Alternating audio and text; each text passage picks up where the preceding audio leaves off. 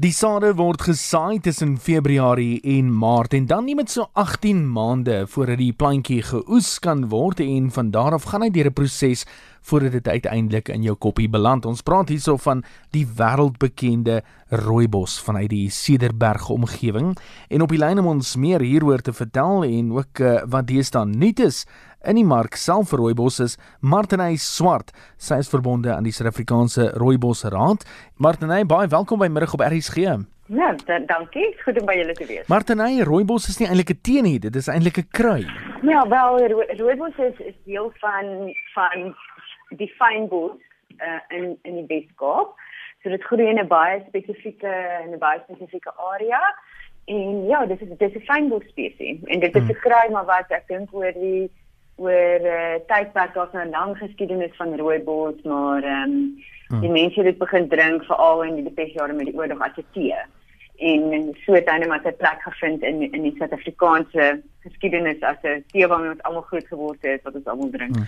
'n Ander interessante ding is rooibos gaan eintlik na beide kante van die spektrum toe die ou wat net sy tee wil geniet en selfs ook die ou wat op die eet is want dit is 'n uh, kilojoule vry en ook vetvry. Ja, dit is ons sê dit is 'n uh, dit is eintlik 'n uh, jy weet was baie gesonde drankie om te geniet. Dis wat hmm. jy sê dit is dit is kafeïnvry antioksidante en ons het onlangs 'n uh, uh, wat is 'n science cafe hmm. gehad in die, in die Kaap waar navorsers 'n hele aantal uh resultate van hulle navorsing gedeel het hmm. oor hoe goed rooibos eintlik vir ons is en dit is en um, behalwe vir die antioksidante is daar regtig 'n um, goeie uh, navorsing oor hoe rooibos jou kan help om beter te doen in sport hoe rooibos kan help met die gesondheid van jou hart, hoe rooibos kan help met die gesondheid van jou vel, want ons kyk na velkanker, so dit is regtig 'n dis regtig 'n goeie uh, goeie teken om te drink. En Martiney dan het die wêreld ook begin kennis neem van wat aangaan in die Cederberg en veral die sjokolade wêreld. Ja, so uh, ek dink in die in die sjokolademark is vir ons baie opwindende ontwikkeling.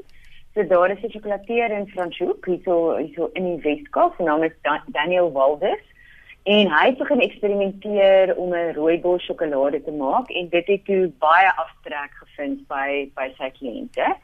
En ek dink ons sien oor die algemeen 'n uh, beweging in die internasionale sjokolademark dat uh, interessante bestanddele by sjokolade gevoeg word, soos jou goji berries en alle wat wat hulle nou in hakkies na sou verwys as 'n as 'n superfood. Hmm. So uh, ons kry spirulina, ons kry sekere sekere tipe sampioene en nou onlangs kry ons ook rooibos wat ingesluit word by die sjokolade. En as jy kyk na die na die geurprofiel van die tee, dan is dit eintlik 'n baie goeie wat ons uit ons neut neutgeure en ja. so dit is baie lekker. Hy gaan goed saam met die sjokolade. Maar nee, die een ding wat my oog gevang het is dat daar 'n uh, wêreldrooibos museum in Maleisië is, maar nog nie eintlik in Suid-Afrika nie. Wat sê rede hier agter? Wel, ons sê daar is 'n uh, daar is 'n uh, dames wat baie goeie werk gedoen het in San William met die hmm. met die rooibos route en daar is die ek dink Klein Willem en sy omgewing is vol geskiedenis van rooibos en daar's hmm. daar's baie mense wat ons sien ook nou nuwe ontwikkeling in rooibos en toerisme so rooibosplase wat regtig mense rondneem as as deel van toeristiese aktiwiteite en sê dis ons hier groei, dit is ons hier maak. Want as jy dit regte uit te kry, so om in die veld te sien, is eintlik 'n dit is eintlik 'n baie 'n baie mooi gesig. So ons het op die oomblik nie een museum waar um, alles van rooibos vasgevang word nie, maar daar is 'n hele aantal aktiwiteite in die Cederberg area wat wentel rondom die groei en die geniet van rooibos. En dan Martiney, wat gebeur van oestyd tot koppie want kyk die saadjies is nou gesaai oor 18 maande word daai saadjies dan nou geoes en wat gebeur tussen die oestyd en waar dit uiteindelik in 'n ou se koppie beland? O, oh, van oes tot in koppie. So so rooibos kan geniet word op twee maniere. Hmm. So ons kan nou die die rooi rooibos, gefermenteerde rooibos wat ons almal nou ek dink meer geredelik ken. Ja. So dan jy het die rooibos en dan het jy ook groen rooibos wat nie gefermenteer word nie. So ek gaan nou vir jou die fermentasieproses verduidelik. Ja, dis reg. So wat so wat gebeur, so wat gebeur is dit, dit kom van die land af in hierdie gerwe. Ek is seker almal het op moet foto's daarvan gesien. En dan word dit gekneus en dan word dit in hoope gesit en dit word nat gemaak. Hmm. En dan begin die natuurlike fermentasieproses wat wat wat vir ons baie van die goeie eienskappe gee van rooibos en ook die die smaak. So dit dit word dan dan word dit opgekap, dit word gegradeer in in verskillende grade.